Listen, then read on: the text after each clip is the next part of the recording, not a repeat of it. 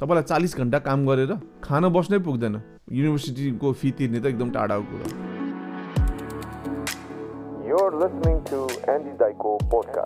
आज मलाई कुरा गर्नु मन लागेको विषय चाहिँ नेपाली विद्यार्थीहरूले अमेरिकामा किन पढाइ पुरा गर्दैनन् भन्ने बारे। सबैले भन्नु खोजे होइन तर धेरैले मेजोरिटीले कमेन्टमा त्यही कुराहरू आउनसक्छ। ए पुरा गरिरहेको छ मैले पुरा गरेँ यसले पुरा गरेँ मेरो साथीले पुरा गरेँ भन्ने तर मेजोरिटीले चाहिँ पढाइ पुरा गर्न सकिरहेको हुँदैन। धेरैले पढाइ पुरा गरेर पनि त्यो पढाइको भनौँ न रिजल्ट त्यस्तो केही पाइरहेको हुँदैन। आउटकम चाहिँ केही भइरहेको हुँदैन। भनेको त्यो अनुसारको जब या हुन्छ नि त्यो अनुसारको करियर त्यही बारेमा कुरा गर्न मन लाग्यो मलाई यो विषयमा किन पनि अहिले कुरा गर्न मन लाग्यो भन्दाखेरि मैले रिसेन्टली ठुलो मिडियाहरूमा चाहिँ नेपाली स्टुडेन्टहरूको फ्लो चाहिँ अमेरिकामा अमेरिकन युनिभर्सिटीहरूमा एकदमै बढिरहेछ भन्ने थाहा पाएँ देखेँ मैले त्यो न्युजहरूमा होइन? अनि then I thought about maybe यो बारेमा चाहिँ कति कुराहरू अमेरिका आउँदाखेरि थाहा हुँदैन होइन? स्पेसली स्टुडेन्टहरूलाई थाहा नहुँदाखेरि चाहिँ अझै गाह्रो हुन्छ कम्पेरिटिभ टु डिबी पढेकोहरूलाई या अरू प्रोसेसबाट आएकोहरूलाई होइन? र म सुरुमा आउँदाखेरि पनि मलाई कति कुराहरू थाहा थिएन होइन? कसो मेरो यहाँ एल्गनलाई रिलेटिभहरू हुनुहुन्थ्यो उहाँहरूले गर्दाखेरि मलाई धेरै सजिलो भयो। अदरवाइज भनौँ न कोही छ भन्ने हिसाबले या युनिभर्सिटी जाने त्यहीँबाट भइहाल्छ भन्ने हिसाबले आएको स्टुडेन्टहरूलाई चाहिँ धेरै दुःख भएको स्टोरिजहरू पनि छ।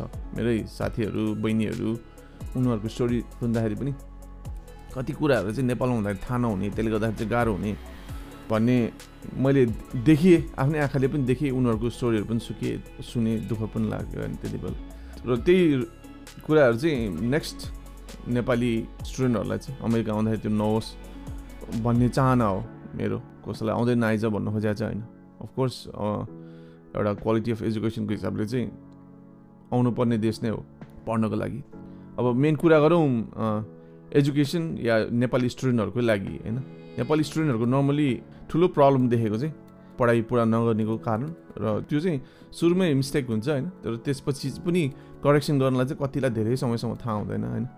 अमेरिकाको युनिभर्सिटीहरू भनौँ न धेरै युनिभर्सिटीहरू यसो फाइनेन्सियली हेर्ने हो भने एउटा ठुलो उनीहरूको इन्कम भनेको इन्टरनेसनल स्टुडेन्ट हुन्छ। अब त्यो नेपाली इन्डियन भनौँ अमेरिकाभन्दा बाहिरको सबै देशको। चाइनिज स्पेसली अहिले चाहिँ। त्यो कसरी हुन्छ भन्दाखेरि यहाँको युनिभर्सिटीहरूमा यहीँको जनताले जति तिर्नुपर्छ त्योभन्दा इन्टरनेसनल स्टुडेन्टले हाम्रो केसमा नेपाली स्टुडेन्टहरूले धेरै तिर्नुपर्छ। र त्यो एउटा फ्याक्टर त भयो भयो। यहीँको स्टुडेन्टहरूलाई यहीँको गभर्मेन्टले लोन स्टुडेन्ट लोन दिने केही देखाउनु पर्दैन केही गर्नु पर्दैन खालि आफ्नो इन्फर्मेसनहरू मात्रै प्रोभाइड गरेर स्टुडेन्ट लोनहरू दिन्छ। त्यस्तो फेसिलिटीहरू हुन्छ। नेपाली स्टुडेन्टहरूलाई चाहिँ लम्पसम्प तिर्नुपर्छ भनेको हरेक सेमेस्टरको पैसा तिर्नुपर्छ नर्मली।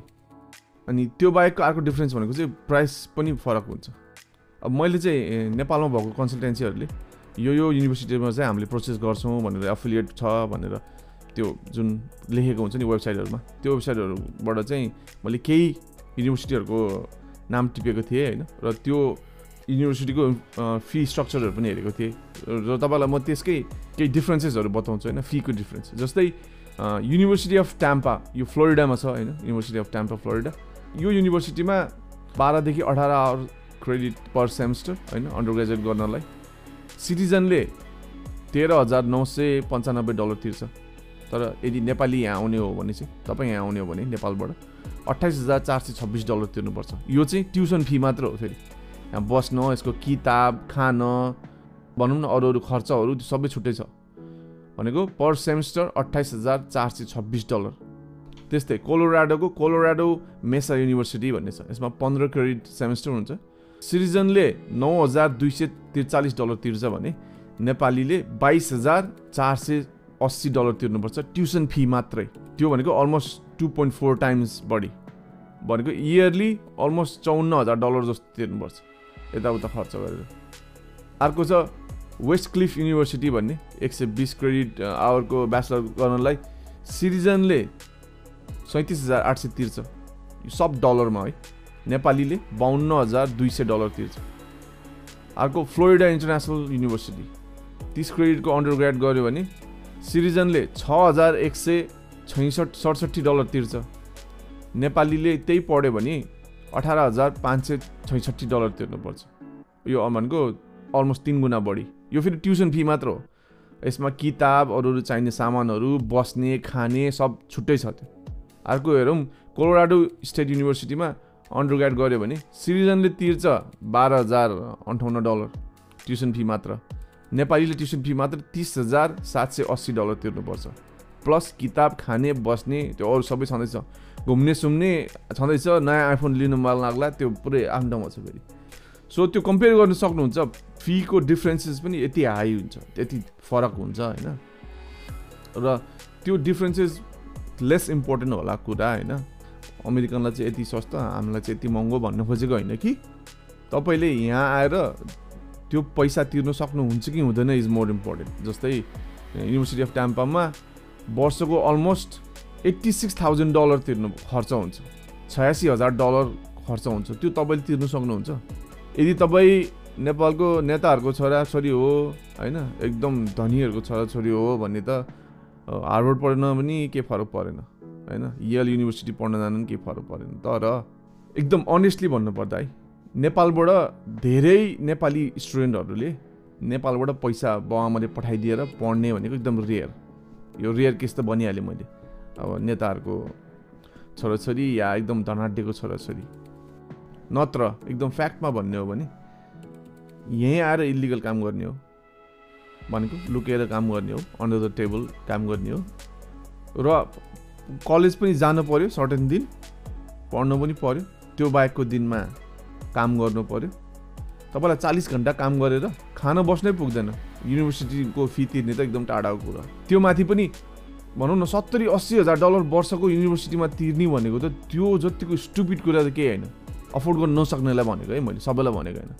र यस्तो युनिभर्सिटीहरूमा नेपालको कन्सल्टेन्सीहरूले प्रोसेस गरिदिइराखेको कुरा चाहिँ म बुझ्दिनँ। त्यो किन गरिरहेछ कमिसन कति आउँछ त्यो हिसाबले हो कि के हो होइन? तर अनेस्टली कन्सल्टेन्सीहरूले स्टुडेन्टहरूको राम्रो चाहेर राम्रो होस् गएर फाइनेन्सियल्ली गाह्रो नहोस् भन्ने सोध्छ भने चाहिँ भनौँ न म्याक्सिमम् सेमेस्टरको आठ हजार दस हजार भन्दा बढीको युनिभर्सिटीमा चाहिँ प्रोसेस गर्नु ठिक होइन जस्तो लाग्छ मलाई। वर्षको सोह्रदेखि बिस हजार ट्युसन फी नत्र वर्षको चालिस हजार पचास हजार अस्सी हजार तिर्न त कहाँ सकिन्छ तिर्न? त्यो इम्पोसिबल कुरा। अमेरिकामा चार वर्ष पाँच वर्ष कलेजमा पढेर नर्सिङ भएकोहरू आठ नौ वर्ष पढेर डेन्टिस्ट्री गर्नेहरूले वर्षको सत्तरी अस्सी हजार केहीमा तिर्ने भनेर भन्यो भने उनीहरूले तिर्न सक्दैन। एउटा साधारण नेपाली विद्यार्थीले तिन दिन कलेज गएर कलेजबाट फर्किसकेपछि काममा जाने या बिहान काममा गएर बेलुका कलेज जाने अब कस्तो हुन्छ होइन? त्यो कलेज त्यसरी कलेज गएर फेरि कलेज नगएको दिनमा काम गरेर एक दिन पनि बिदा हुँदैन। त्यसरी पनि अस्सी हजार भनौँ न पचास साठी हजार डलर तिर्न सक्दैन। किनभने राम्रो काम गर्नेहरूले पनि भनौँ न अमेरिकामा राम्रो फुल टाइम काम गर्ने भनौँ यहाँको हिसाबले काम गर्नेले घन्टाको सत्र अठार डलर खायो भने पनि उसको हातमा वर्षमा पैँतिस हजारभन्दा पर्दैन। खानु पऱ्यो लाउनु पऱ्यो बस्नु पऱ्यो त्यो बाहेक अरू अरू खर्चहरू हुन्छ। धेरै जस्तो स्टेटमा गाडी नभए हुँदैन। गाडी चाहियो। गाडीको किस्ता तिर्नु पऱ्यो लोनमा किनेछ भने। गाडीको इन्सुरेन्स तिर्नु पऱ्यो आफ्नै इन्सुर हेल्थ इन्सुरेन्स तिर्नु पऱ्यो गाडीमा ग्यास हाल्नु पऱ्यो यहाँ चाहिँ पेट्रोललाई ग्यास भन्छ। यो सबै खर्चहरू मिलाएर वर्षको भनौँ न त्यो देख्दाखेरि मलाई यति अचम्म लाग्छ कि यो नेपालको कन्सल्टेन्सीहरूले के गरिरहेछ भनेर। कति कमिसन खाइरहेछ त। किनभने यो अमेरिकाको यो बिजनेस सिस्टममै कमिसन भन्ने चाहिँ एकदम हाई हुन्छ फेरि। प्रफिट मार्जिन म्याक्सिमम् हुन्छ। जस्तै कुनै होलसेलरबाट एउटा रिटेलरले कुनै एउटा कुरा भनौँ न सत्तरी अस्सी रुपियाँमा सत्तरी अस्सी डलरमा किनेछ भने त्यसलाई त्यसले दुई हजार तिन हजारसम्म बेचिरहेको थाहा पाउँदाखेरि पनि सरप्राइज हुनु पर्दैन। त्यस्तो हुन्छ प्राइस त्यो प्रफिट मार्जिन चाहिँ त्यति राखिरहेको हुन्छ ग्रस प्रफिट त्यो कारणले मलाई के पनि लाग्छ कहिले काहीँ भन्दाखेरि कन्सल्टेन्सीहरूले नेपालको कन्सल्टेन्सीहरूले त्यस्तै पैसा बनाइरहेछ त्यही भएर झन् महँगो महँगो युनिभर्सिटीहरूमा पठाइरहेको हो कि? तर नेपाली स्टुडेन्टहरूलाई राम्रो सजेस्ट गर्ने हो राम्रो भनौँ न पछिसम्मको विचार गरेर यहाँ जाँदा ठिक हुन्छ यहाँ जाँदा ठिक हुँदैन भन्ने हो भने चाहिँ अमेरिकाको युनिभर्सिटीहरूमा यदि तपाईँले सेमिस्टरको आठ दस हजारभन्दा बढी तिर्नुपर्छ भने त्यो युनिभर्सिटीमा प्रोसेस नगर्नुहोस्। अनलेस तपाईँसँग टन्न पैसा छ तपाईँको बुवामासँग टन्न पैसा छ तिर्नु सक्नुहुन्छ या अनलेस तपाईँको स्कलरसिप पाउनुहुन्छ फेरि स्कलरसिप भनौँ न चौध पन्ध्र हजार पर्ने कोर्स यहाँ नेपालीले त्यसै अब अठाइस तिस हजार तिर्नुपर्छ होइन। फिफ्टी पर्सेन्ट स्कलरसिप पाएर भनेको त्यो नेपाल अमेरिकनले तिरे जस्तै हो। स्कलरसिप सिप कटाएर जति टोटल तिर्नुपर्ने हुन्छ नि यदि त्यो आठ दस हजारभन्दा बढी हुन्छ भने सकेसम्म त्यो युनिभर्सिटीमा अप्लाई नगर्नुहोस्। अनलेस फेरि त्यो युनिभर्सिटी त्यो फिल्डको one of the best in the world हो भन्ने चाहिँ मेक सेन्स गर्छ। र तपाईँले अफोर्ड गर्नु सक्नुहुन्छ भने। अफोर्ड गर्नु सक्नुहुन्न भने चाहिँ इट्स सुपर हार्ड अति अति नै गाह्रो हुन्छ। सो मैले भन्नु खोजेको यो त्यही हो मेन रिजन अमेरिकामा विद्यार्थीहरूले आफ्नो पढाइ पुरा नगर्ने चाहिँ सुरुमै गल्ती गरे हुन्छ। त्यो चाहिँ युनिभर्सिटी छान्दाखेरि यो युनिभर्सिटी गएर पढ्छु भन्दाखेरि गलत युनिभर्सिटी भन्दा पनि एकदमै महँगो युनिभर्सिटी पिक गरे हुन्छ। भिजा लाग्छ त्यसपछि देखा जाएगा भनेर। एक सेमेस्टर हुन्छ त्यसपछि म चेन्ज गर्छु भनेर हुन्छ कतिको। तर एक सेमेस्टर त तिर्नु पऱ्यो नि। एक सेमेस्टरको चौ भनौँ भनौँ चालिस हजार डलर छ भने त चालिस हजार डलर त तिर्नु पऱ्यो नि। चालिस हजार डलर त तपाईँले कहिले कहिले उठाउनुहुन्छ? र नेपालमै हुँदाखेरि चाहिँ कस्तो सोचिन्छ भन्दाखेरि जाने हो टन्न काम गर्ने हो भाँडै मारिदिन्छु यो गर्छु कमाउँछु भन्ने हुन्छ होइन। तर जस्तो सोच्या हुन्छ त्यस्तो चाहिँ हुँदैन। किनभने बोल्न सोच्न सजिलो छ गर्न गाह्रो हुन्छ। तपाईँको तिन दिन कलेज गएर बाँकी टाइम हप्ताको बाँकी बिहान बेलुका दिनमा बाँकी चार दिन मात्र होइन कि? त्यही तिन दिनकै पनि बिहान बेलुका कति बेला टाइम हुन्छ त्यो टाइममा काम गर्ने होइन? एक दिन पनि बिदा हुँदैन कामका काम किनभने कलेजको फी तिर्न पुग्दैन।